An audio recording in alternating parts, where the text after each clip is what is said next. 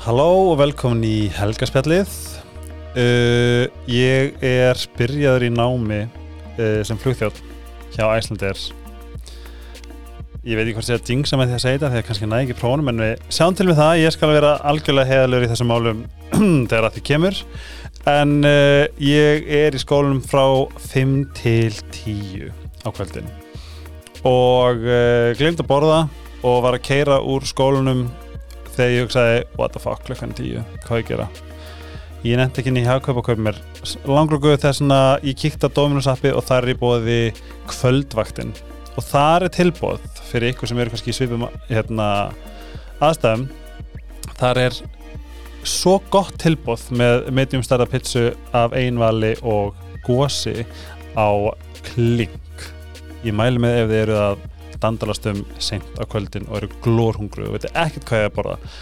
Annars er tríóið, ég mun aldrei hægt að peppa. Tríóið í mars er Bistro, Basar og Tokyo Bistro er styrluð uh, Ice Herbs ef þið viljið. Ég, er það, það, það er verða meira og meira skýrt fyrir mér hvað er ógeðslega mikilvægt að bæta upp fæðuna sem við erum að borða með fullt af dundurvítaminum það er svona iceherbs.is kíkiði hvað er í bóði, það er endalaust D-vitamin með burnirót, C-vitamin með engifer og ef þið eruð að reyna að koma balans á söfnin ykkar eins og ég eftir að ég kom heim frá Houston þá er slökunartvennan svo góð og náttúruleg og dásamlegt. Við erum að tala um magnesium og sofðu rótt. Hrein magnolja með fjallagrausum og magnesium með fjallagrausum.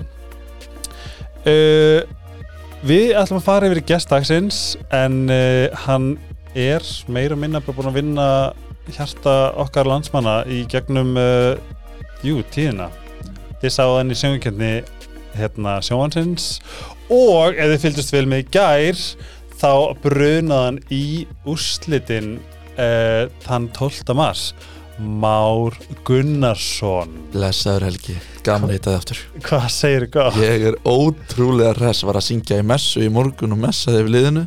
Nei. Var allt í messi. Þannig að bara ótrúlega skemmtilegt. Þú, Þannig að ég er vaknaður vel ferskur á Fyrir peppi í þetta podcast. Að það ekki? Jú, Ég er mjög fein að fá þig og það var svo gaman að fá að vera með þér í söngakeppni og ég, við vorum svo hefnir að hlið við hlið. Já við vorum hérna hérna í, Það er svona tjöld hérna baksvið sem eru svona herbyggin okkar og þú hérna ruttist náttúrulega bara inn í klefan okkar á bestu stundum þegar við Ísolt vorum að hérna klæða okkur og alls konar. Hérna þetta er mjög náið samstarfana hjá okkur. Já, við, við, erum, við erum náinn mjög fljótt en svo, svo þið held ekki sé að gluggast og perrast þá, þá var ég bara að reyna að horfa á höndinu Já, emmitt, emmitt En uh, ég verð að spyrja þig hvernig líður? Þú varst að komast í úrslit sönginni sjónvarsins í gær. Mhm, Þetta var ótrúlega fyndið, sko, við Ísolt nefnilega hérna við ákveðum bara, sko, þegar við kvalifæðum ekki síðustu helgi, þá ákveðum bara að stimpla okkur út, bara, þetta, bara, þetta var bara ótrúlega skemmtilegt, en þetta er bara búið í byli veist, við lærðum ótrúlega mikið á þessu og, um, og bara upp á framtíða plön, það er bara gott að hafa gert þetta, um, þannig við ákveðum bara að stimpla okkur frá, en við vorum alltaf meðvituð um þennan litla möguleika þrátt fyrir að ég samt, mér fannst það vera too good to be true, true ef að við kæmust áfram sem fymta atriði. Um, þannig að ég var ekkit rosalega bjart sín á það og hérna Ísolt, sko við höfum tvær nálganir á þetta sko, Ísolt hún ákvaði gæra að fara á djammið og bara detta almennilega í það og vakna bara á sunnudaginn og vita af við á. Þess að það er svo ömulegt að býða það er að draga þetta eitthvað það er svo mikið spenna og það er að tilkynna atriðin og bara já, heyrðu, það er uh, fyrsta lagið er bla bla, annar lagið er bla bla síðan koma auðlýsingar og síðan hitt kynnt og maður er bara svona, þetta er svo mikil spenna og veist, ma- það er, það er ekki hægt að býða eftir þessu Nei. þannig að ég var eiginlega búin að ákveða að gera bara eitthvað annað bara, þú veist, fara bara göngutúr eða eitthvað meðan þetta væri í gangi en, en síðan fór fjölskyldum mín að horfa á þetta þannig að ég átti engis annars kosta völ en að e- e- einmitt, einfallega bara horfa líka og þetta var bara magnað, ég, ég er svo ánæður og við bæði ég reyndar gæti ekkert sofið í nótt heldur ég er bara svo upptjúnaður, ég er bara lappandi í ringi í húsinu mínu sem var slæmt út af því að ég var að syngja hérna frekar trikk í lag í morgun og ég verður ekki hljómað eins og ykkur viskisöngvari út á svefleysi Hérna, segðu mér málaði pínu mynd fyrir mig. Þú, hérna, Ísold var á djaminu Ísolt var á tjáminu já, og, ég Og- bæði við hérna, sko, þegar ég fekk að, að vita að hérna, og við, þegar við vissum að við værum komin áfram. Þá ringdi ég ekki í Ísolt og segi Ísolt, þú ert að koma heim en þess að þú ert að koma að syngja með mér í fyrramálið. Og hún bara, nei, ég bara, víst ég er að fara að syngja fyrir tróðfullu húsi þú ert að koma með, ok. Hvar var hún? Veistu það? nei, ég veit ekki. Ok, og þú varst sem bara í ég veit að vinkona, vinkona hennar hérna, hún ætti að hitta vinkona sína í, í dinner og hún kom klukkutíma og seint þannig hún var pínu spæld. Já, þú meinar. Já, En bættist fljótt upp með Já. úrslutunum já, já. En þú varst bara upp í sófa og fegst að vita á saman tíma við hinn Uh, to be honest, ég fekk símtal örlíti áður ah. vegna þess að það þarf að staðfesta sko, það að við getum gert þetta mm. þannig að þegar öll lögin voru búin að flytja og þau voru búin að hugsa eitthvað þá fekk ég símtal og það sem að hérna, við vorum spurð bara akkurat hvort við getum gert þetta vegna þess að reyndar sko, ég var búin að bóka með flug til útlanda á morgun Já, þannig að þú veist, þegar hérna, Rúnar fyrir spurði mig, heyrðu, getur, er þið laus? Ég bara, ég var reyndar búin að bóka með flug til útlanda en ég bara sel miða minn hæstbjóðanda Og keftur, keftur, þú keftur ekki einu sinni cancellation? Nei, ég, hérna, ég kefti flug út og ekki eins og heim sko. Ógeslega fyrir þess að þú varst bókstælega að einhvern veginn Jú, kannski, eða það ekki, þú jinxaði þetta Nei, þú anti-jinxaði þetta Já, kannski, sko, ég hugsaði bara, veist, ok, ef við komumst inn þá cancel ég bara þessu miða. Já. eða ekki, ég get ekki cancel hana, þá bara, já, já. Þá, Ég þá fer-. Já, og hérna og ef við komumst ekki, þá get ég huggað með það að þið verðið hérna heima í rigningun og rokkinu og ég verð bara í góða verðinu, veðrinu í Luxemburg Já, þú, fór, þú pantaði með til Luxemburg Já. Er gott við það núna? með að við hér, það er tólsteg heiti og sól og logg, bara eðislegt, vorfiður í lofti og grasið að grætna og hérna, grasið að grænka afsakið. Þannig að ég já, en ég, ég fórna þessu miða með glöðu geði og við erum ótrúlega spennt að vera með næstu helgi. Uh, koma fram á þessu kekja kvöldin alltaf undan kvöldi var styrlað, úslita kvöldi var ennþá skemmtilegra. Já, líka bara eins og ég, eh, sko það að taka þátt í þessari keppni hefur verið svo mikill draumur Mhm. minn, bara frá því ég var þú veist, fimm ára. Mhm. Um, þannig að mér aðeins þetta að æfintýri skul ekki vera búið og lægið sem við sömdum saman fá að njóta sín lengur.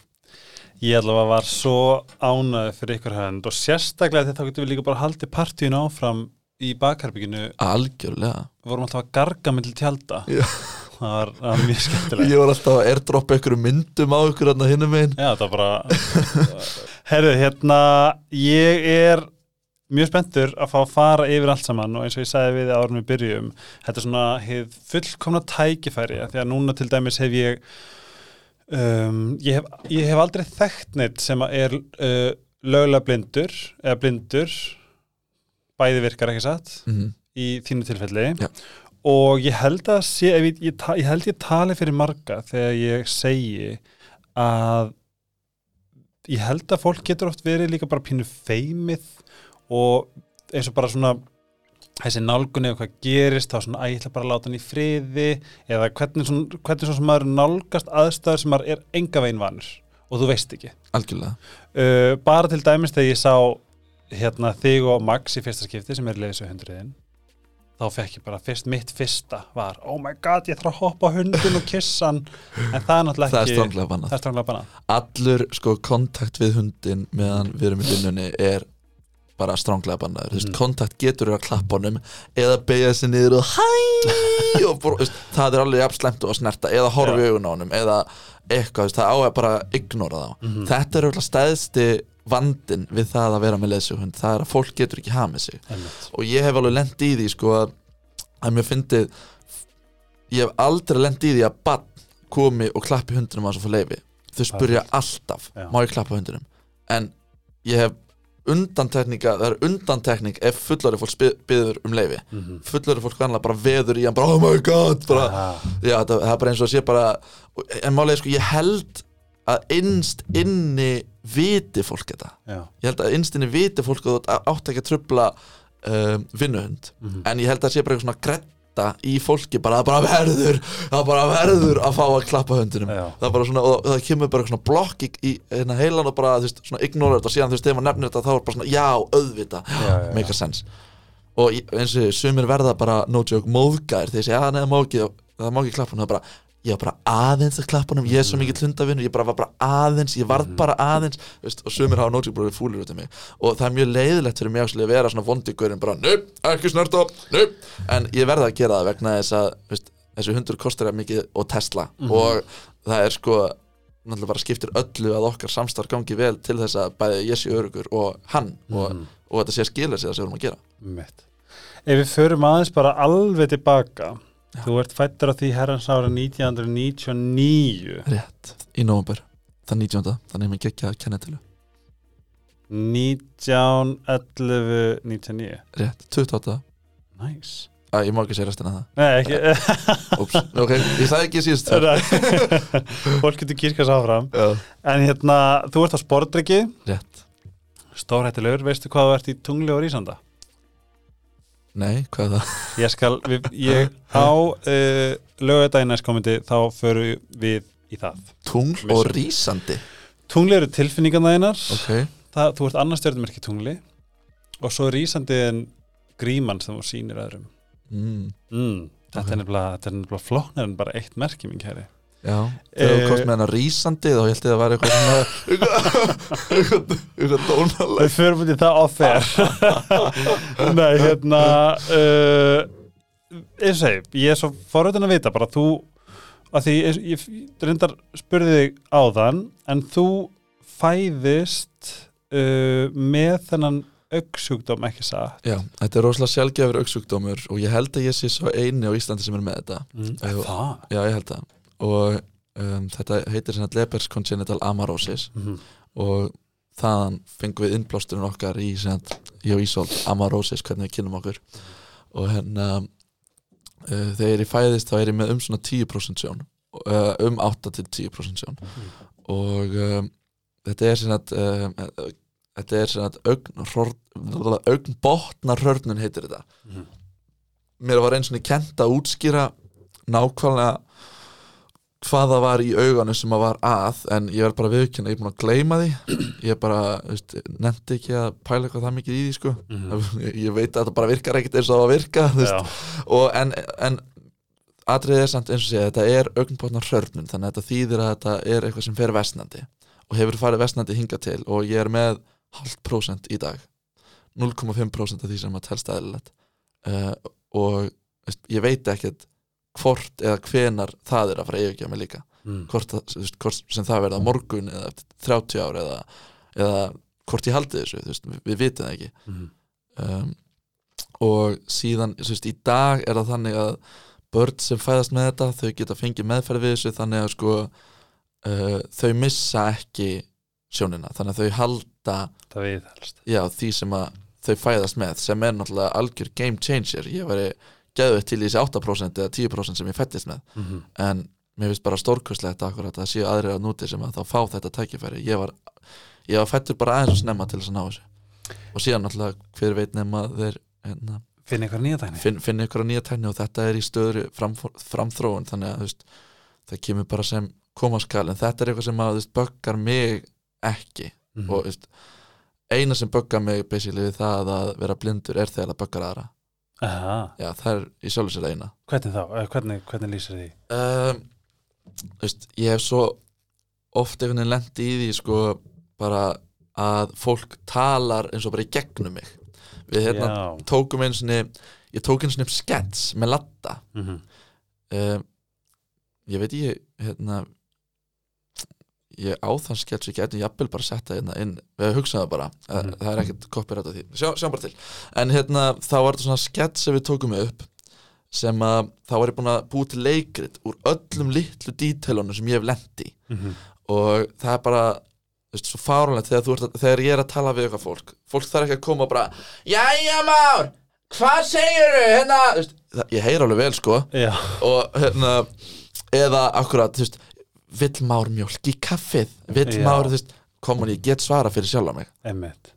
Já, Og- það, ég, ég skil það það er ógeðslega leiðilegt og ég hef líka lent í því að fólk kemur til mín kannski og breytir röddinu sinni og er eitthvað reynar að fyndið og heldur að sé svo ógeðslega snið og bara, veistu hver ég er? Veist, svona atrið og, og, og málega sko þetta er frekar alvarlegt út af því að ég myndi segja svona 70% af fólki sem heilsa mér þetta á götu ég veit ekki hvað fólk það er. Já, út af því að uh, veist, ég er að muna miljónrættir mm og þegar ég er kannski bara út í umferðinni eða, og ég er að hugsa um alls konar hlut veist, ég get ekki munað hver einustu rödd. Nei. um, þannig að þú veist, rosalega margir þú veist, ég, bara hilsa mér og byrja bara að spjalla við mig og ég bara svona playa með, bara já, jú, hvað segir þú, já, gott, en þú, já, ert ekki bara, já, já. Og langaði ekkert að stundum að segja bara eitthvað Ég er bara það, minna ég- mig á, minna þá að ég er blindur? Svona ég, eitthvað svona er, Sko, ég segi stundu byrja fyrir ekki hver ert þú aftur? Já, já. En það er svo tókislega leiðinlegt Það er svo leiðinlegt að vera bara, já, ég bara, sorry, ég veit ekkert hvað það er En, En ég vil það- það bara meina að þessi þáttur hér er líka bara ákveðin fræðsla. Algjörlega, en, en það sem, veist, það er svo létt fyrir fólk að segja bara Sælmár, Gunni hérna, Sælmár, Gísli hérna Eða eitthvað, bara kynna sig. Og þú, og þú, þú nærði að peka það alveg upp Já, þú veist, gísli að eitthvað svona já, ok, nefn að sé skilur bara eitthvað Gísli sem að sé, þú veist bara, þú veist, já, Gísli, hvað er, já, þú veist eh, Eða, ef ég hefði heitti bara í kringlunni þá þyrfti, hefði ég vantarlega að segja Helgi frá söngukemni ég held reyndar sko það sem að náttúrulega við erum, það, veist, við erum búin að umganga svo mikið sko þú veist, í kringu sögumkjærnina, þú veist, Mhm. það er alveg effekt líka þú veist, ég myndi alveg fatta hver þú ert. Já, ég, ég er nefnilega rosalega ómannglöggur þess að spyrja já, já, Ég get verið alveg, sko, ég get verið gufa En þú fæðist með hennan hérna sjúkdóm, hvernig var að vera í rauninni ungur, þú veist ef við tölum til dæmis leikskóla þú kannski, það var kannski eðlera eða hvað, upp í grunnskóla? Já, sko, þetta er hérna ég ætla að fá að skjóta inn, ég hef verið að halda fyrirlestra um, uh, í grunnskólum, framhaldsskólum og háskóla hérna á Íslandi. Uh, þar sem ég segi, þú veist, sögum mína og tala um uh, tónlist, íþróttir afreiksferil í, í sundi veist, og líka veist, þessa hluti og ég hérna, segi alltaf frá því sko, þegar ég var að byrja í skóla þá spurðu krakkandi mig Már, hvað ætlar þú að verða þegar þú verður stór? mm -hmm. og ég sagði, ég ætla að vera flugmaður eins og pappi og Er hann fljómaður? já, já hann, var, hann er flugmaður Nice. og hérna mér fannst bara ekkert eðlilega Mm -hmm. ég var ekki að grínast, ég var ekki að reyna að fyndin þetta var eitthvað sem ég vildi gera og ég viss alveg að ég var blindur fattur, veist, ég viss alveg að fólk var að tala um það í kringum en ég kannski skildi ekki hugtakið. Menn sem ég leiði ekkert öðri sig þannig að ég svaraði bara ok, ok já, ég ætla að vera flugmaður. Og þau voru bara, ha, betur þú getur ekki verið flugmaður þú ert blindur, ég bara, já, joke, ok, ég verð þá bara rútubilstur í staðinn. Og þetta var ekki joke heldur, þetta var bara einlægt. Ah. þannig að þú veist, maður svona fattar þetta ekkert. Og síðan, þú veist eldist maður og fer að skilja þetta betur. Þú veist, þegar ég er sex ára þá fæ ég fyrsta stafi minn í hendunar, blindastafi minn. Og því að þá var sjónin orðið það slæm og ég farin að hérna veist, ég var mjög erfiðu krakki Mhm. í þeim skilningi að veist, ég var alltaf hlaupátt út um allt ég var hjólandi út um allt það var, þú veist, hérna klifrandi út um allt, ég var að tala um það, sko, ég misti aðra framtönun á því að hlaupa á tré og hinna á því að sko hoppa á hausinu okkur krakka á trampolíni og hérna já, við flytjum sér til Luxemburgar árið 2006 út af því að ég fekk ekki þá aðstóð sem ég þurfti að halda í íslensku skólakerfi En hvernig má það vera? Hva, hva, um, hvað er rauninni útskýringin þar? bara, þú veist, engin fagþekking það var alveg til peningur menn vilja uh, vilja setja pening í það skilur það var bara ekki, þetta var bara ekki faglegt og er svo sem ekki nóg faglegt en þó í dag en í rauninni þannig að fóreldra mínir fóru að leita að staðasökun farið og þau fengu gott svar frá Luxemburg þar sem að mér var lofið kennsla, mentun og fræðsla við hæfi, þú veist, læra að lesa punktaletur, læra að labba alveg með staf, læra á tölvutekni basically bara veist, að verða sjálfstæður karakter Mhm. vegna þess að hefði ég verið áfram í skólanum minn á Íslandi þá hefði þetta bara verið veist, einhver úr skólanum sem hefði farið með minn á bókasafn, lesið fyrir mér sögu og síðan veist, á ég að taka upp úr töskunni fyrir þig svona, Mhm. sestu hérna, hérna Mhm. þetta þú veist, en í Luxemburg átti ég bara að bjarga mig sjálfur Vá. um, sem er sannsaldið skrítið því að þú veist það er ekki svo sért fyrsti nei, nei, nei, nei, nei, alls ekki alls ekki. Og líka pínus sérstætt út af því að Luxemburg er alls ekki það mikið stærra en Ísland. Þú veist, Luxarar eru sko 600.000 Einmitt. uh, ok, þeir eru mun ríkari en en, hérna, en sant um, en þegar ég kem út þá sko var fyrsta eitt og halva ári mitt æðislegt. Ég var svona litlum skóla í hérna, þorpið sem heitir uh, Húen og þar var kona að kenna mér sem heitir Monik og hún sko hún var svolítið bara eins og amma mín í Luxemburg náttúrulega ég var fjölskyldulegs fyrir utan mömmu, pappa og litla bróða minn. Mhm.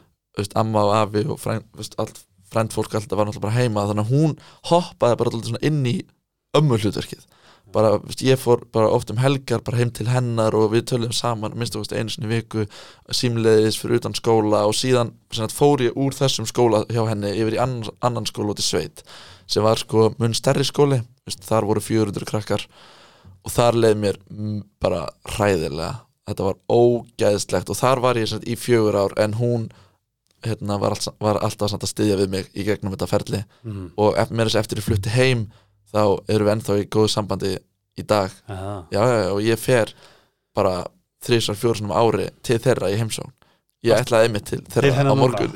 Vá, hún fyndið. Og eins og ég segi, þú veist, hún og maðurinn hennar eru bara eins og amma mín og afi í Lux. Bara, það er bara svo leys og mér þykir ótrúlega vendið þau. Hvenær flyttur aftur heim?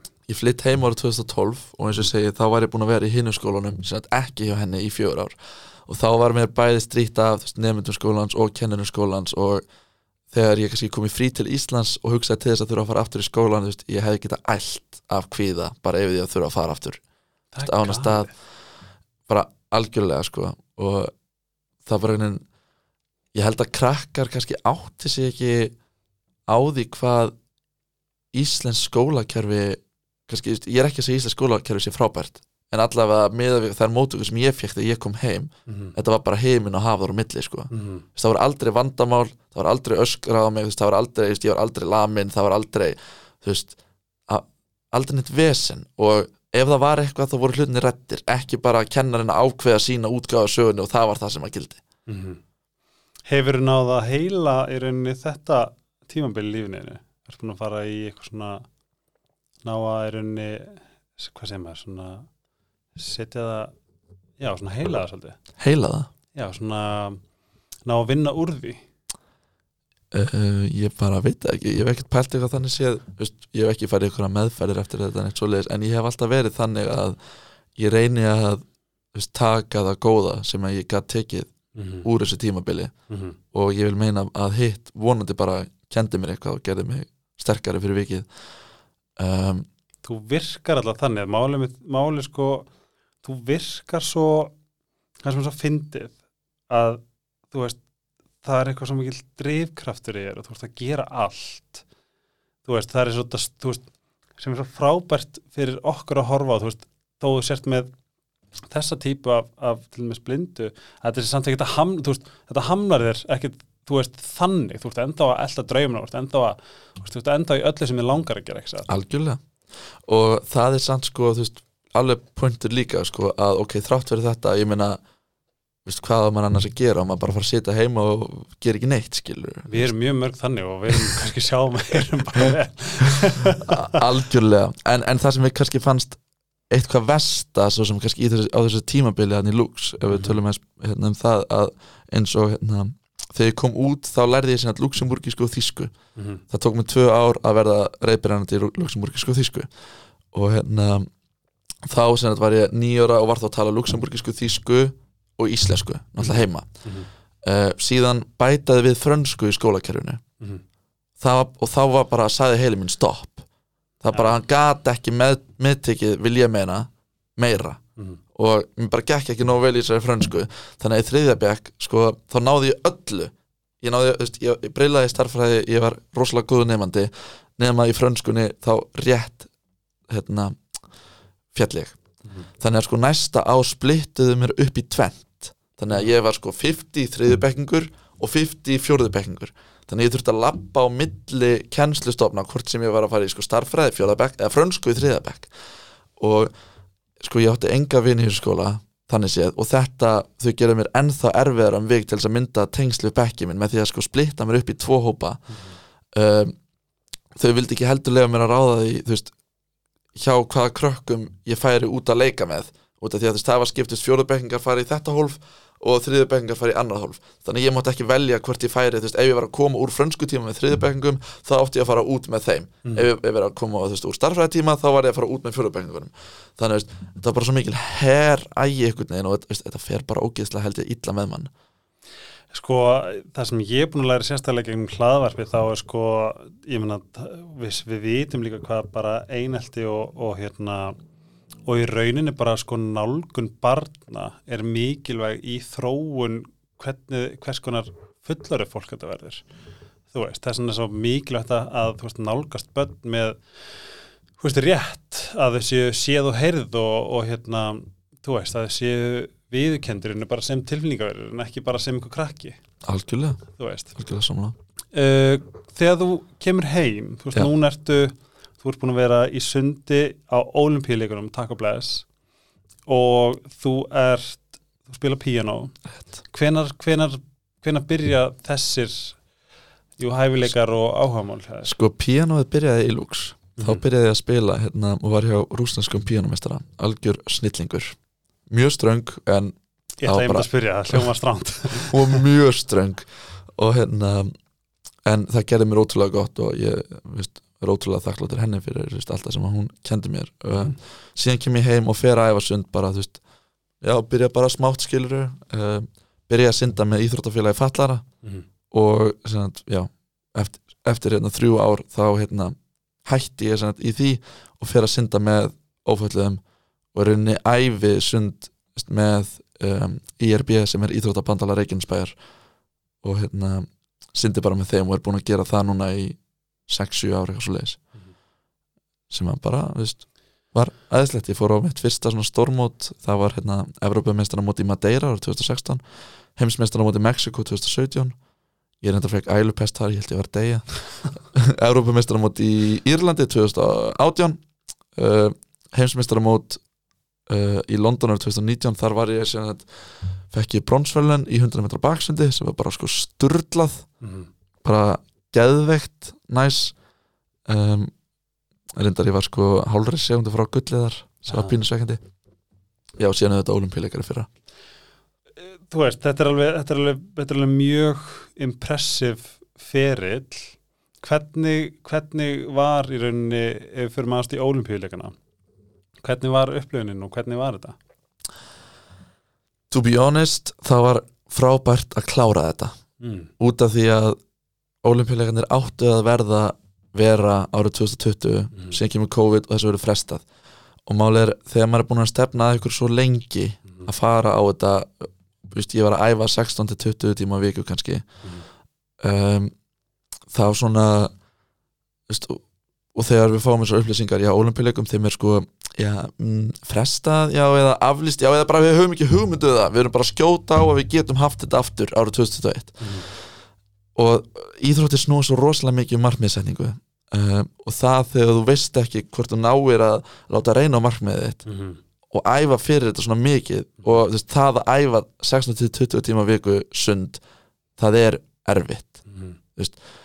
og árið 2020 fyrir mig ne, já, 20 og 21 veist, þetta var alltaf mikið svona junk tímabil Mhm. þar sem ég var bara að mæta í sundlegina bara til að upp og halda rútinu og synda og synda og synda og ég var í sjálf sér komin í mjög mikið svona burnout enginni og það var oft sem að ég var bara oh my god, mér langar að hætta ég get þetta ekki þannig ég bara svona veist, á tímapunkti þá settist ég bara niður með sjálfum mér og hugsaði bara ok, það tensi ekkert gert það, veist, það krefst þrautsegju Mhm. að halda áfram og klára þetta og hugur ekki til að hætta Ah. og hérna ég valdi þrautsöguna og ég er mjög fegin því í dag Mhm.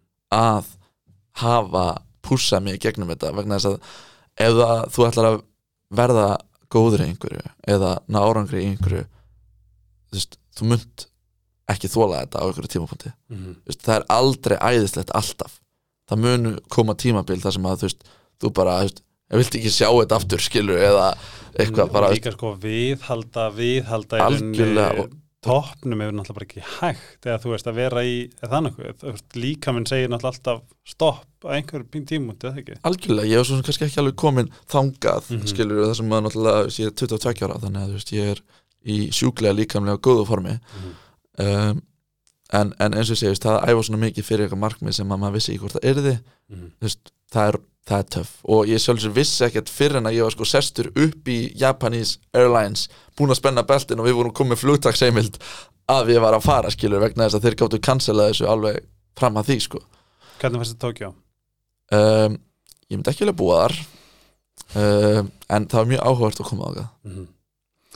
uh, uh, við, ef við tölum aðeins um bara hver þú ert þú komst út úr skápnum við getum kallað það þráttur að ég þóli ekki Eh, já að ekki tala heldur. um þú veist, eins og ég sagði við Felix Bergson einhvern tímann sko á hérna, Rást 2 bara veist, það er ekki svona í skápurinn í herberginu mínu, ég hata skápa. Já, ég er líka, ég er alveg þar með þér. Ég, hérna, þetta er kannski svona besta besta legin að svona útskýra þetta sem svona nýtmiðast. En ég er mjög þakklætur fyrir að kynnslóðin í dag þurfi vonandi ekki að koma út úr neinum skáp og fær bara vera vera nákvæmlega eins og ég er frá byrjun en hvernig var rauninni það svona upplifilse fyrir þig? Það er rauninni bara já, uh, segið allt upphátt og, og bara fá að lifa svona lifa sem frjáls uh, einstaklingur í þessu leiti sko, ég held Þetta var mjög fyndið Ég held að ég hafi verið fyrst bara straight Ég, hérna þú veist, þegar ég í tíundafæk og svona, þá var maður alveg að hugsa um veist, stelpur og eitthvað og ég átti kærustu í heilar þrjárvíkur wow. Getur þú sett það sama? Já, ég, ég var, veistu, ég var algjör sleik punktur í hérna, í grunnskóla og átti ég átt fullt að kæristum Það Já, já, Ok. ég, ég er alls ég vil alltaf meina að búi svo harkalega lesbið inn í mér okay. Ok. ég er með eitthvað ég er með eitthvað mikla svona, já, ég er ég vil aldrei segja ég var í gagginniður en hérna nei, þú veist, ekkert nálægt ég var í gagginniður en, en það býr inn í mig lessa, vil ég meina sko, Ok, ég er, ég er alveg hvenna kall, eða var það það ok, en hérna síðan svona var þetta alltaf eins og þegar maður tegur svona stundaglas já, svona byrjaði svona að kolfa því og svona byrjaði svona eitt kótt og síðan dudu, dudu, og síðan var ég komin í það að vera bæ og síðan dudu, ég var enda það líka. Ég man eftir þegar ég hitti svona fyrstu ástunum mína strák þá, þá svona, þá, ég var, ég veist, ég, hvort ég hafi verið mitt bæ eða hvað ég var það var svona, já, já, ok, þú veist þetta komið, ég hef búin að dæma mig. Já, já. En sko, með mér, mér. fannst þetta mjög erfitt fyrst. Mhm. um, það að tala um þetta að segja hérna fjölskyldur minni svona frá þessu ég sagði hérna, pappa þetta og hann sagði hérna, ég gaf honlega að segja mömmu þetta. Veist, en þau tökku ótrúlega vel í þetta veist, augnúsið minn alltaf bara og hérna, Ísold reyndar sagðist að vita þetta. Trúið því ekki, ég held að hún sé bara að reyna að vera eitthvað merkileg. Um, og eins og ég veist, ég hef aldrei lendið neinum fordómum eða neitt bara út af þessu sko. Bara ég bara finn ekkert fyrir því að vera gay. Bara, ég er endar held innst inni séu allir gay að einhverju leiti ég held að sé engin 100% straight eða 100% gay, það er bara spurning hversu mikið hérna, á, hvar á, skalanu þú lendur og, og hérna, ég vil meina að þeir sem að eru ekki sammála mér, að þeir bara ekki, þóri ekki að viðkenna. Ég ætla að sko geta upplifa því að núna líka bara hefur maður já, mikið af vinkonum sem að bara prófa sig áfram með öllu, öllum kynjum og, og svona þannig. Akkurat. ég get alveg keft þetta að því leiti að sko við erum að því að sko í okkar nútíma samfélagi eins og Sara Mari hefur talað um að uh, það fylgir svo mikil skömm í því að vera kynvera. Þess vegna ef að strákur segjum að einhver, einhver strákur sem að bara einhver, einhver segjum bara körbáltatúti eða eitthvað algjör, algjör hérna dúti og testast er hann alveg yfirflæðandi og hann hugsi hérna, vá, kannski væri alveg til að sofa hjá eða eitthvað, skiptir engumáli, eða kona breytir engumáli um hvað, um hvað vera að ræða. En hvað gerist þegar við tökum kallmanna því kallmannskultúr sem getur náttúrulega verið oft mjög toksískur þá getur, getur hérna kikkað inn strax. Nei shit, hérna, hvað myndi hérna Halli vinur minn segja, nei, ég myndi Já, aldrei segja þetta upp á þetta því að sko, ég vil ekki að halda þessi einhver hommi og bla bla bla. Sem því það er einhver, hugsun. Ég hata orðið hommi, sorry, Aha, fyrir ekki það Páll Óskar. Hvað, hvað finnst þið þægilegast? Hvað finnst þið þægilegast?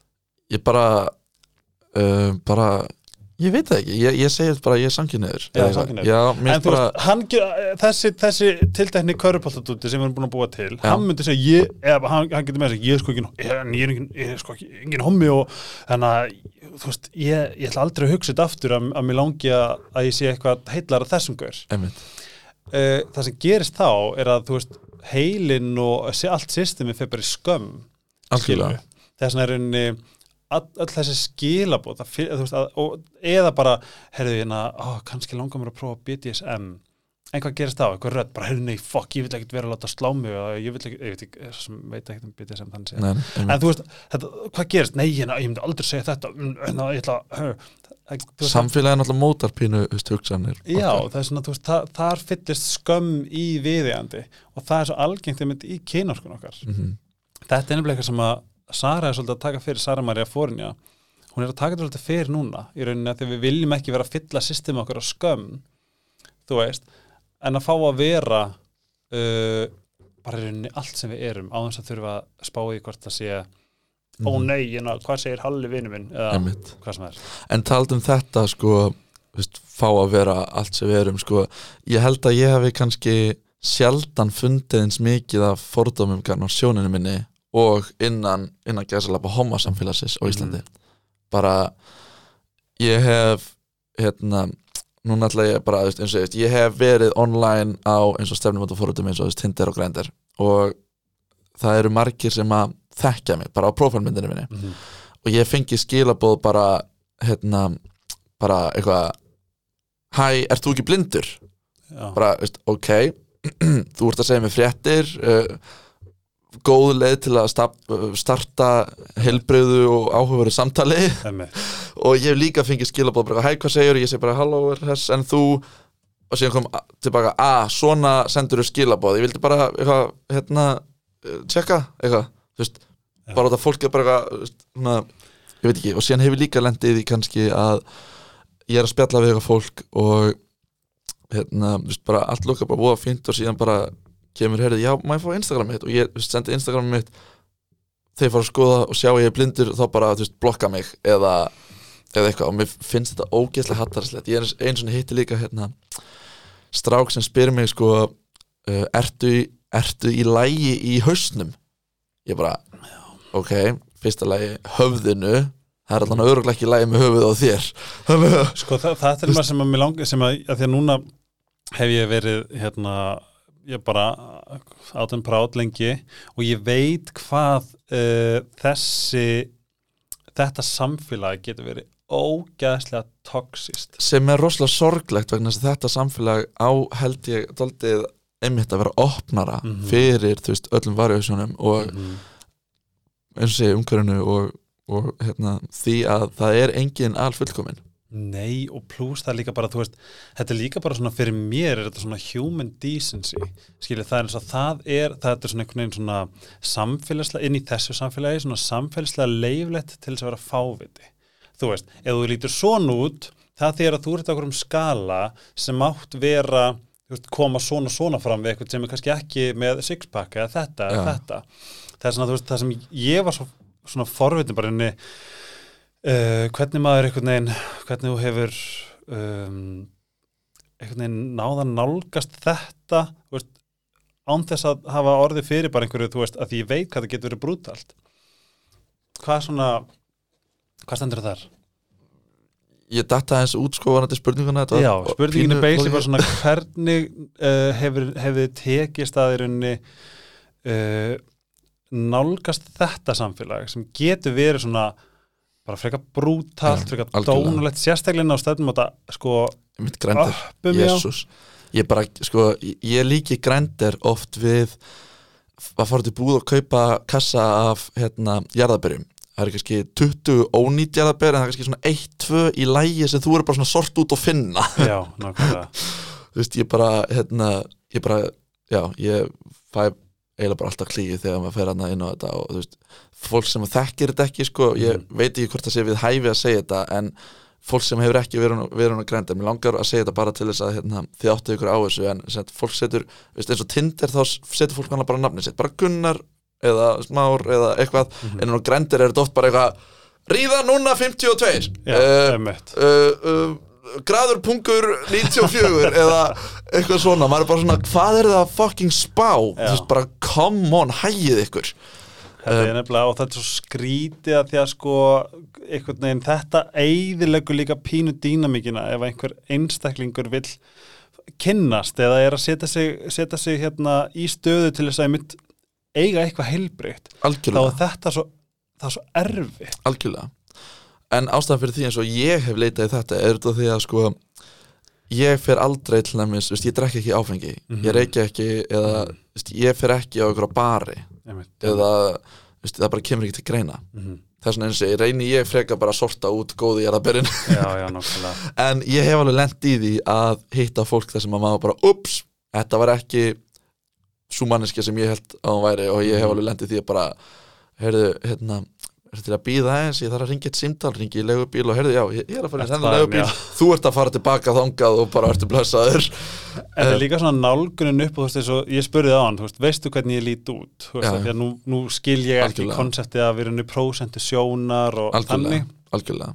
Þannig um, er það, þú veist, eins og bara ég, ég séð að þú veist snertur til dæmis andlit til þess átt að nei, nei, Nei, nei, nei? Þetta er eitthvað svona eitthvað romantíst rung sem að, þú veist, er búið að búa til í einhverju bíómyndum að Ok. eitthvað blindir sé eitthvað, hérna, eitthvað, eitthvað komið andlita á fólki eitthvað bara Ég sá svo fattar vídeo af hérna þegar Diana prinsessa mætti eitthvað. Og hann var blindur og hann var svona snert á hann Ó, jésús, hvað að fikk ég borgað fyrir að taka þetta upp?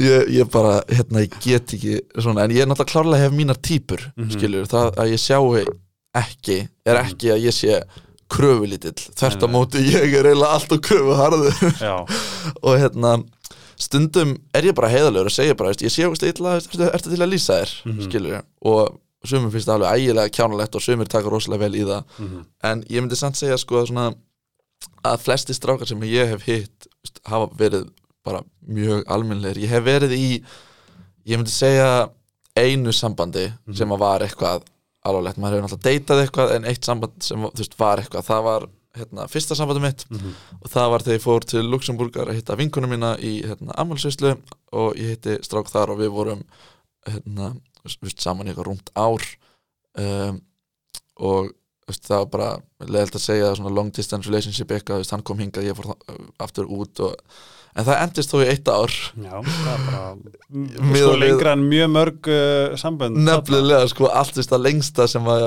eh, ég hef survivað hérna á Íslandi voru þú veist þrýr mánuðir Mhm, um, sem er ógeðslega leiðinlegt sko en það er bara oft þannig að menn eru að, leita hinnu fullkomna eða óvissir hvað það vilja og Ég vil alltaf að meina að uh, sambandi við sjálfan þig er þar, það er bara rægt að það eins mikið og maður getur áður um að ferja hérna, banda einhverjum öðrum í það sko. ég er algjörlega sammála. Mhm, en sko það er svona ótrúlegt eins og eftir þetta fyrsta sambandum mitt sem var í eitt ár mhm, sko ég krassaði. Bara veist, þegar þetta var búið mhm, það fór hann svo illa með mig að veist, ég þekkti enga samkynniðastráka á Íslandi. Mhm. mér leið bara eins og þú veist, bara mási litli í Keflavík. Eitthvað bara einn ég þekkti engan. Mhm, og mér leið hörmulega. Mhm, þetta er, veist, ég, ég myndi segja þetta veist, þessi tilfinning hafi verið miklu meira yfirþyrmandi heldur en allt veist, sjónlega séð sem ég hef upplifað. Mhm. það bara einhvern veginn að vera svona þessi svona fyrsta ástasorg skiluru bara hræðileg. Og ég fekk ekki neina hjálp við það í sjálfu sér. Mhm, um, fyrir en bara veist, ég ákvaða að fara til félagsákjafa hérna, tveimur án setna og það var svo fyndið að eftir að ég byrjaði að tala um hlutina mhm. þá var hann bara leistist allt. Þú varst ekki þar? Nei, Aha. bara veist, ég, ég hérna, fór ekkert að tala ofinberlu um það til þess að vera gay bara fyrir náttúrulega 2019 Mhm, um, og akkurat þú veist, ég veit ekki þú veist, núna er mér bara þú veist, alveg sama. Ég er bara gay og hérna ef einhverjum finnst það eitthvað vesen þá bara finnst hún að það vesen og, hérna, og ef einhver gaur hérna er þú veist ég veit ekki, vill ekki hitta mig út að ég sé ekki þá er það bara veist, hans missir og ég svona mér er, ég er bara svona ég held að sé hættur og ég, það er kannski erfitt að segja alveg hættur en ég er búin að læra betur að taka ekki hluti jafn mikið inn á mig. Mhm. af því að það er, ef maður spáir í því ég er alltaf, þetta er einmitt, er einmitt svona bara, er einmitt bara svona lífshakk sem að er uh, rosalega mikilvægt. Uh, ég ætla að skrifa niður lífshakk af því að áður en ég held áfram þá uh, verð ég að segja ykkur frá því að Hairskinn and Nails frá Sítokær var að koma með nýja en, það var að koma, koma hérna niðurstöðu frá nýri klinískri rannsók sem ég gerði í Ítalju sem er algjörlega óháð um, óháð hérna merkinu sjálfu en ef þið farið til dæmis inn á Instagram eða það sem er sjáið auga þá getið þið séð, uh, ég held að það sé áttaveikna inntöku af herskinni nails þar sem að kona á mjög fínum aldri en hérna er komin með bara svona þessar sætur hrukkur sem við erum mörg með.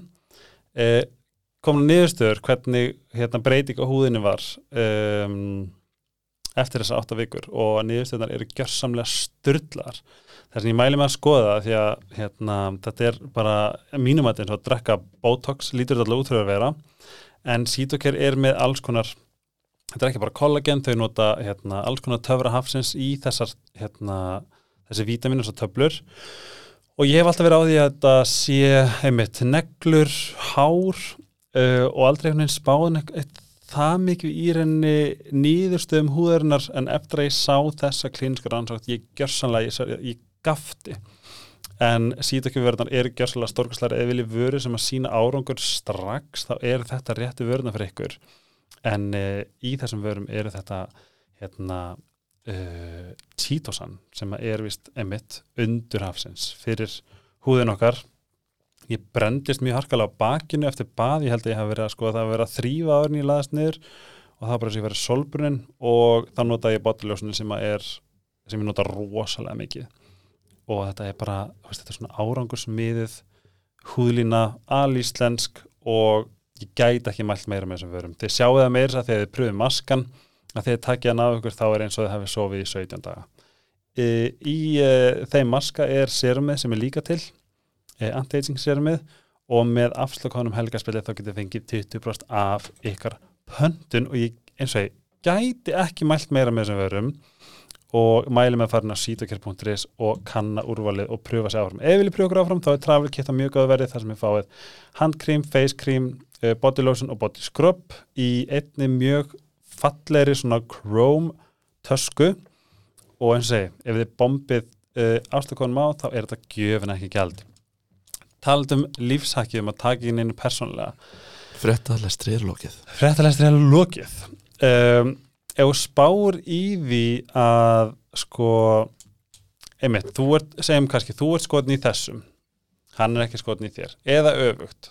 Segjum bara, segjum bara ég væri sjúkla skotin í þér sem ég sjálfsög er. Það er ekki, ekki erfitt sko. Nei, nei segjum bara þegar Palli er Nei, nei, ég höldum þess ekki til að beila Ég er sjúkla skotin í þér, þú ert ekki skotin í mér. Sorry, Helgi Ég veit, þetta er mjög leðilegt en, Ekki taka það persónulega. En ég er nefnilega en ég er nefnilega með haxið. Þess að þú veist, af hverju ætti ég veist, þetta er frábært í þessu skotnir það er bara ekkert mál, gott að blessa, þú Mhm. ert ekki. Af hverju ætti ég að fara að rífast í raunveruleikan skilur, af Algjörlega. hverju ætti ég að eigða orku í það? Að því að þetta er alveg svo ef ég er ekki skotin í palla þá er ég bara ekki skotin í honum og þá bara heldur lífið áfram. Rétt. en í rauninni það að hann sé að þjást yfir því og sé að brjóta sig niður yfir því Mhm. uh, það meikar það meikar eiginlega ekki sens. Það meikar alveg sens auðvitað, þú veist, ef það er kannski eitthvað saga á bakvið á, náttúrulega við meðum aldrei ignora þannig sé kannski tilfinningar, en þú veist, Nei, en síðan er það bara life goes on, skilur, og bara þá fyrir bara í næsta. Já, en þegar maður samt fattar að þetta er sama að þér finnst hérna Sigga ógæslega pyrrandi en hún er bara Sigga skilur hún er bara hún þess að þetta er sama, hún ætti ekki oh my god, okkur er fíla máru mikið af því að þannig er það bara. Já. við erum ekki, við erum ekki gerð til þess að allir sé skotir öllu með allir fíla alla. Já, blessaði verði, ég er búin að lesa kommentin á hérna, var þetta söngakefnin á mér, þú veist, já og þú veist, sum kommentin eru bara svona dýrka mann og hefur maður sé svona eitt og eitt kommenta sem að bara, ok. Og þau sitt alltaf eftir það ekki? Um, nær það, nær það ídæmi í burtu? sko, ég tók heila meðvitaða ákverðun, veist málið er sko, þegar lögin voru kynnt til að Mhm. byrja með, þá kíkti ég svona á reviews Mhm. svona, þá voru svona einhverju YouTube kallar út í heimi búin að gera eitthvað svona top 10 eitthvað og við vorum eitthvað í neðsta seti og síðan í sjöfunda seti og ég bara, nei Ég sá okkur í efstasæti aha, Já, ok, ég hef þá mistað því myndbandi en, Aha. en já, þannig ég svona ég svona var hrættur, þannig ég svona hætti, ég hætti að skoða þetta þannig að ég gati þetta ekki já, þetta er, þetta er, þetta er ég, Vola er það flott myndband sem þú hefur Hvað Ég- ég var að skoða þetta líka og það er svo magna líka að sjá sko, þú veist eins og hvað, þetta er náttúrulega svo mismunandi Já, ég veit það hér heima og þarna úti þú veist, oft sá ég Reykjavík dætur í næsta sæti mm -hmm. uh, Stefán Óla í neðsta og efsta, Mhm. þú veist, þess að þetta er svo Algjörlega, þarna- þetta, þetta er bara eitt marktækt Þannig að ég ákvað svona, ok, ég ætla ekki að spá í þessu Nei. bara, basically kemur mér bara ekki við sko. En ef við tölum aðeins um þig Aha. að því leiti að eins og segi, þú ert eitthvað svo þú ert svo fascinerandi karakter. Takk. hver er svona þín þetta heitir svona hver er svona þín lífs uh, reglur? Hver, hver, hvernig heldur basically, hvernig heldur þér í balans og hvernig heldur þér gangandi? Óháð til dæmis, nú er ég bara að tala um þú sem karakter. Algjörlega. Um, ég er kannski ennþá líka að læra bara mínar lífsreglur en Mm. ég fer alltaf út í allt hvort sem maður sé þú veist, í persónlega lífinu mínu eða atvinnulífinu professional lífinu veist, að gera hlutina út af því að mér finnst þeir skemmtilegir. Mm. Uh, gera hlutina vel það sem ég geri og vera sangjað við fólkið mitt og það sem er í kringum að vera að vinna með mér og bara þakkláttur fyrir þau tækifæri sem ég fæ. Uh, vera óhrættur að spurja og pota mér og þú veist bara, taka plás bara taka pláss þú veist, já, bara, þú veist, ef að bara, ef ég vil gera eitthvað skilur ég vil koma að laga í spilun eða eitthvað veist, ég hef bara samband við fólk. Mm -hmm. bara, í versta falli fær maður bara einmitt. Um, þannig að ég, ég reynir bara að láta vaða og sumulegis bara ekki vera hrættur við að pröfa eitthvað nýtt og eins og ég fara mögulega að, aðra leiðir að hlutunum en kannski svona við hef, hefðbundina Hvar finnur þú núvitund? hmm. sko ég veit ekki hvort ég sé góður í því ég, ég er alltaf nótjók alltaf að hugsa bara ég er stanslust hugsandi Mm -hmm. um, núvitundin mín er kannski best þegar ég er að hlusta á hljóðbækur eða ef ég er þú veist bara eitthvað svona spaces sem ég líður ógslag vel og ég get bara chilla þú veist þá í pottinum eða í sána eða Þið eigið eitthvað svoleiðis, við eigum eitthvað svona heim. Já ég árindar sána heima sko en líka bara eins og í sundi að fara bara í Ég sá sána og TikTok. Ég fara í kaldakarið. Ég það, það er bara, maður getur ekki verið meiri maður, get- þú veist, það eina sem maður getur hugsað er bara, ó, þetta er kallt, ú Færðu reglulega? um, ég reyna gera það reglulega, já. Mm -hmm. en ég er aldrei lengi, sko. Hvern- betra að fara oftar og vera stýttra Mhm. og síðan, þú veist, elska ég að fara bara út í náttúruna og vera bara eitthvað bara eitthvað með max, eitthvað að leika mér. Uh, Hvernig lítur hérna bara svona vennileg dagur út? um, það er rosalega mismunandi. Segjum þá einn virkudagur, einn ein helgadagur. Ok, eitt virkudagur getur verið kannski gimmuð um morgunin uh, spila á piano uh, þú veist, fara og taka upp þú veist, þá fyrir hérna, ég veit ekki hvort ég geti sagt frá jú, jú, ég get samanlega sagt það. En ég byrjaði sem sagt, áður en ég komst inn í sjónukjörna byrjaði sem sagt að vinna í dagskrárgerð í landanum hjá Mhm. Rúf en við ákvaðum að byrta ekki neitt af því sem við erum að gera bara til þess að koma ekki út bara eins og, eins og sé að vera að promota mig eitthvað. Þannig að við, hérna, við Við komum líka staðfestum að hér að það ekkert áhrif að þú veist, það hafi engin áhrif. Algjörlega, þannig að veist, við munum ekki byrta neitt fyrir eftir sjöngurkennina en allavega þannig að þú veist, akkurat vinna, vinna fyrir þá um, þú veist, já ég er í tónlistaskóla, ég er í MIT uh, mm -hmm. þannig að þú veist, ég fyrir tíma þangað, þú veist, sundæfing kannski um kvöldið um, þú veist, eins og segi, ég er að halda þessa fyrirlestra þannig að stundum tekið bara tarnir í því eins og þú veist, uh, fyrir tveim vikum þá fór ég og held sko 11 fyrirlestra á tveim dögum uh, 11? á Norðurlandi þannig að Já. já, ég var líka rallus eftir þetta Það er rosalega mikið þannig að bara mér finnst ógæslega erfitt að lýsa kannski döguna mínum út af því að þeir eru bara svo ógeðslega mismunandi. Og Ertu alltaf að? já, ég er alltaf að gera eitthvað sko. Mm ég er rosalega lélugur í að gera Ekki neitt. Ekki neitt, ég, þá fer ég bara í eitthvað svona svona, já.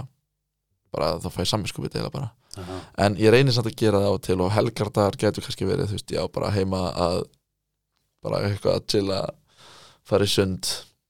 Þá minn ég ekkert að synda heldur bara að fara í pottin Já. Hlusta hljóðbækur um, hitta vini mína, fjölskylduna mína. Um, mér finnst óslega gaman að ferðast fara til Luxemburgar eins og ég ætla að gera morgun. Hvað er að gerast? vill ykkur kaupa miða minn á góðu verði? Þetta er enda mjög góður verðangur til þess að til þess að hérna til þess að auðlýsa það. En uh, ef við tölum að sem Max já, er bara svo við skiljum hann er, er hann, er hann á vöktum þú veist, Nei. hann er alltaf í vinninni hann er alltaf í vinnunni þegar ég er í vinnunni hann er alltaf þegar við fyrir út úr húsi Já.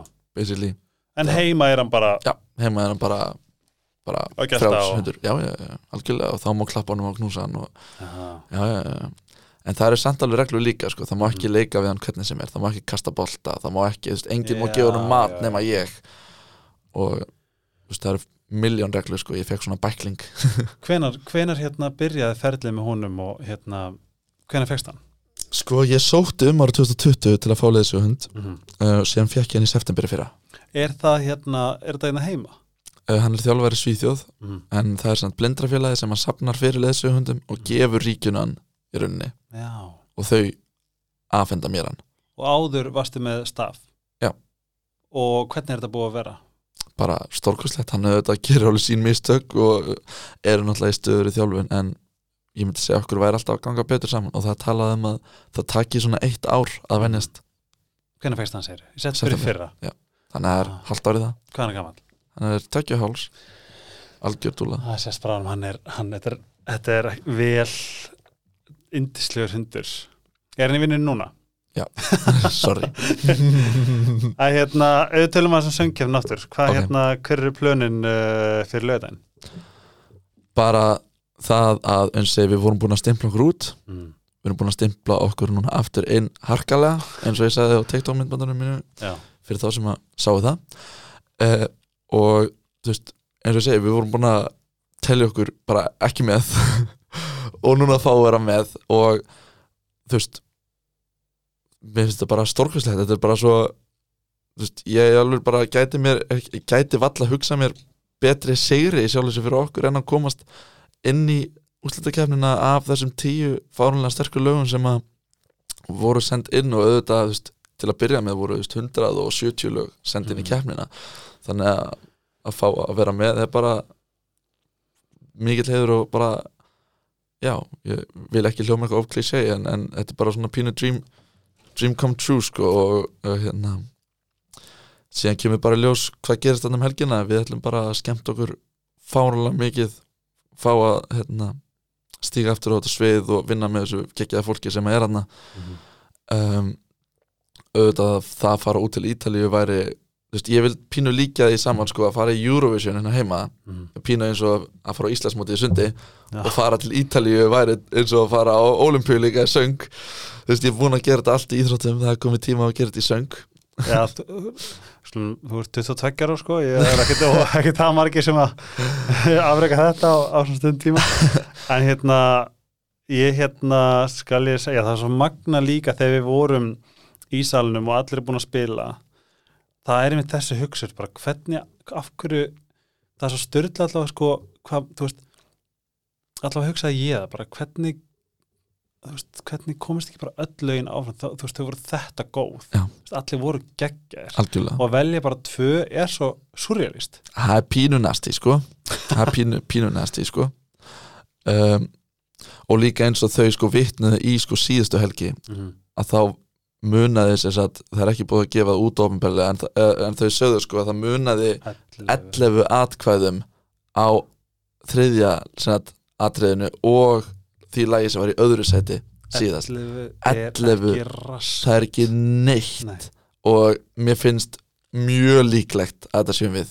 Mér finnst- það eiginlega bara það, mér finnst það eiginlega bara eiginlega allar líkur að þið Já, sérstaklega Og- líka ef við tölum um útreikninga 11 stig og upp á að gera þetta líka bara skilu veist, þá, þá hljómar alveg eins og þriðja atrið værum við já, rauninni, það er bara þess sangjant og þú veist 11 atkvæði og það er að rigna inn sko á þessu kvöldi eru kannski að koma inn um það byrja svona 20.000 atkvæði Mhm.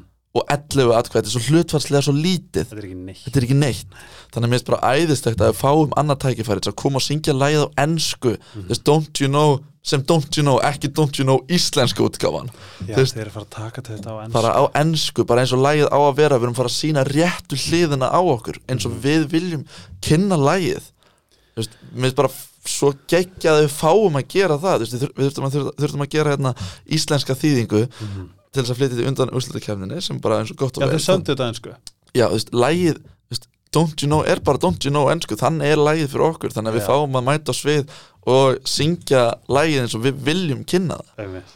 Við við getum, ekki, við getum ekki kláraðan þátt á hans að ræða aðeins sýstina sem er með þér í þessu. Algjörlega, og ég ætla að fara að spila í rauninni bæða við eins og, eins og að skrifa sko Már og Íslold. Íslold. Þau bættu við hennu elli Ísold það er þetta mjög gott. Hérna, hún er við hliðin okkur eins segi, það sem við vorum Stefán og Leo og Már og Ísald voru hinum megin ég ætla að leiða ykkur að heyra hvað við erum að heyra sem sagt hinum megin við tjaldi því að Ísold á heiðurinn að vera með mest smitandi gleði hlátur sem ég hef heyrt. ég ætla að leiða ykkur að heyra smá brot það sem við erum að heyra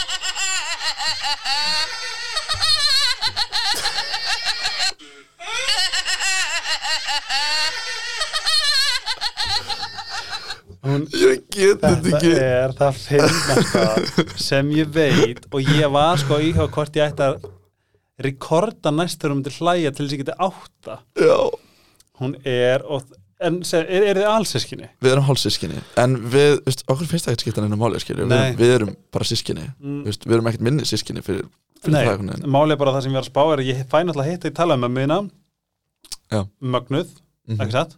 Jú, þið sem 100%, mömmu 100% Já, og þær eru svo rosa líkar. Já. það er ótrúlega fyndið.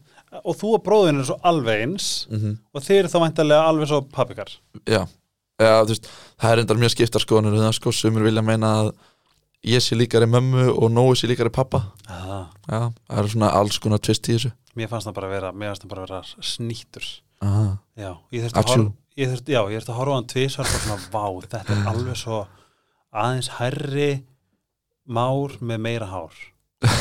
Um mitt, hann var indislegur, hann heitir Nóa Nói. Nói, algjör snillíkur Uh, í framhaldinu, hvað er, hvað, er, hvað er planið? ég er að fara til Ítalíu. Já.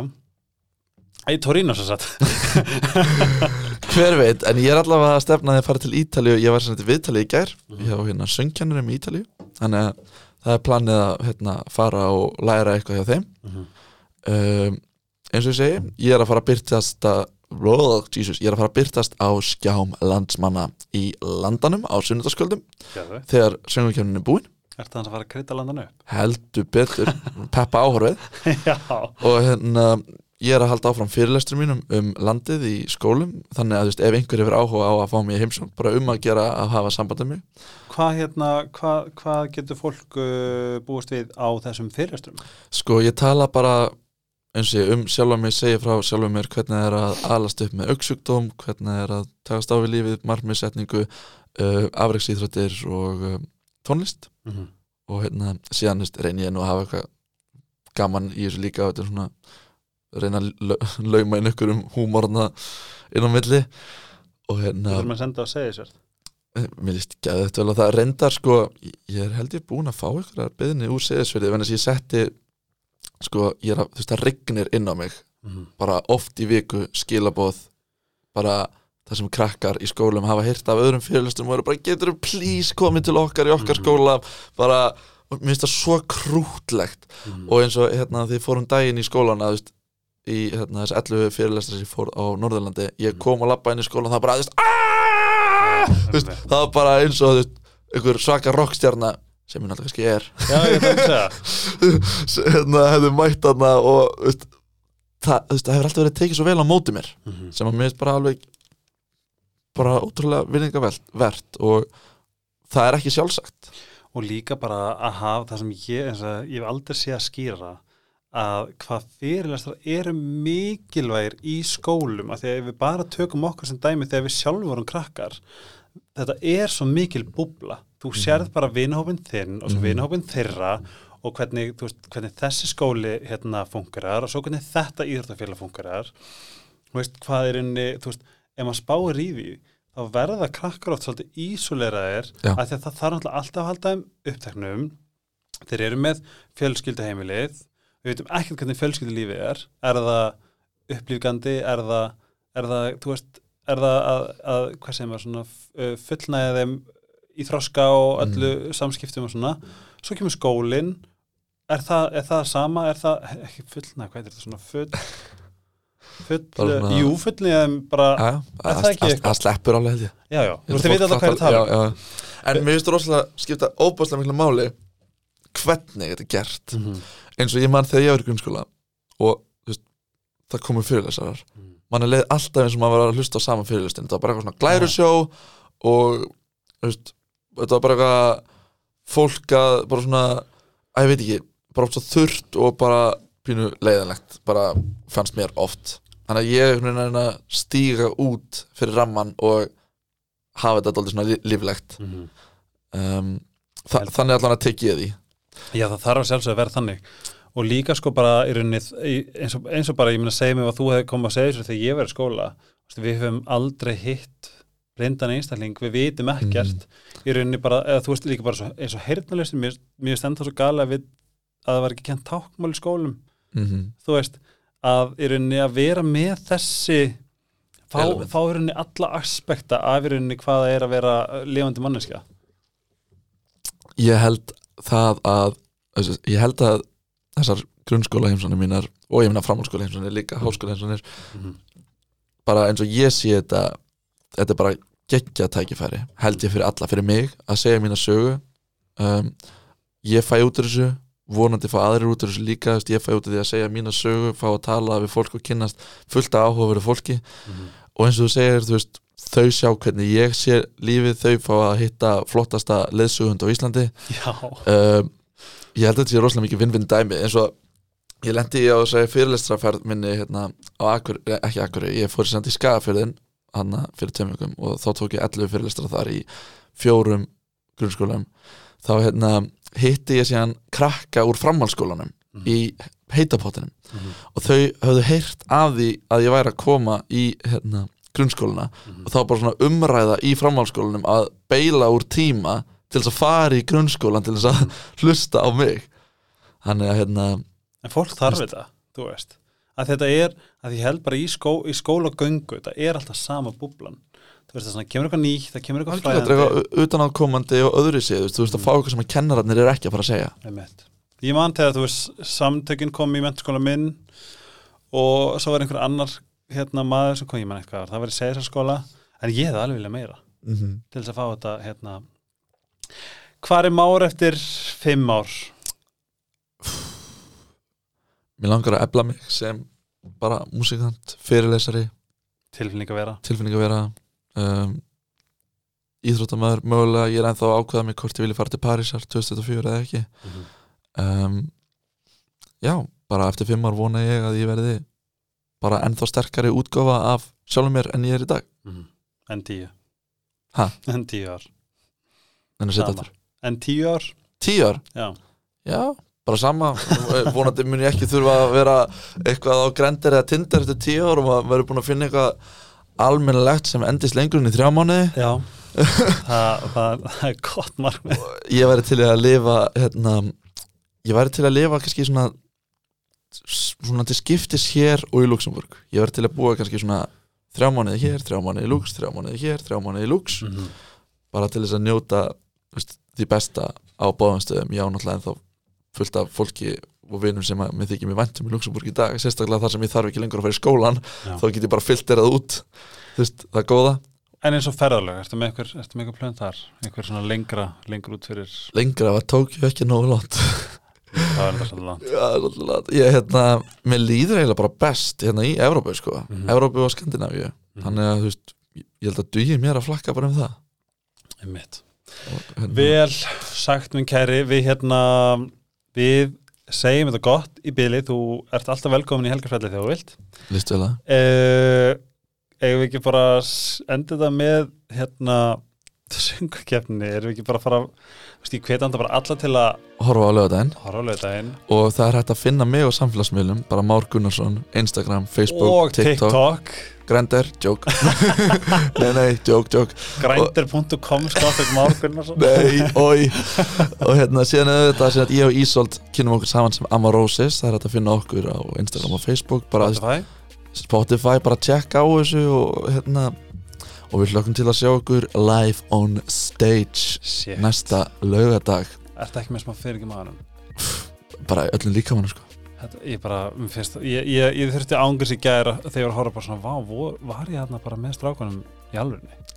þú veist þegar maður heyri stefið Já, sem maður kemur hérna veitu hvernig er stefið, ég man það ekki það er hérna ah, ég man, söngukefni já, söngum ekki stefið. Það er ekki hérna það er kemur heldur núna um helgina, það er annað stef. Já, En hvernig, ég verð að spyrja, hvernig leið þér þegar tónlistin kom þegar áður en að þau hérna það er nefnilega það sem ég var að fara að segja sko, ég var ekki að trú þessu að maður væri þarna. Þú veist, stefið var að koma, kyn, veist, kynningin var að koma mhm. þetta var bara einhvern veginn ótrúlega óraunverulegt. Veistu hvað gaf mér mestu gæsaðuna? Þetta var þetta pínlilla stef áður en að lagi byrjar. Dun, dun, dun, dun, dun, dun. og kom svo ljósin. Já, já, já, já, já og og, og hérna wind chimes, það kom svona dling, ding, það kom í, í, í því, einmitt. Númer eitt Don't you know Amarosis? Og sér kom Ég segja sjálfsög fylgi hjartanu og kjóðu sig annarkort Amarosis eða vel að En bara takk fyrir mig Helgi, ótrúlega gaman að koma til þín og hérna bara, ég náttúrulega hitti þið bara fljóðlega Já, bara mikið hefur að fá þig. Þú ert að, bara öllu leiti gjörsanlega storkoslegur og halda áfram að gera nákvæmlega það sem þú ert að gera. Sömulegis minn kæri. Sjáumst á laugadaginn á Rúf Kæru hlustendur og már og uh, ég segi bara stiðið eitthvað stráka sem er að hlusta á akkurat núna. Hafið það gott og eins og enn og aftur, klárum eitt. Már Gunnarsson, samfélagsmiðlum, mæli sérstaklega með honum á Instagram og TikTok, mjög skemmtilegur. Uh, Helgi Ómarsson á Instagram trenni.is, Helgi Ómars og auðvitað sýnið fullta ást við Sítokær, Æsöps og Dominus og ég geti haldið þessu ganga þess lengi og ég get. Hafið það gott, þá til næst. Þú mútti segja bless með mér, eitt, tveir og Bless. bless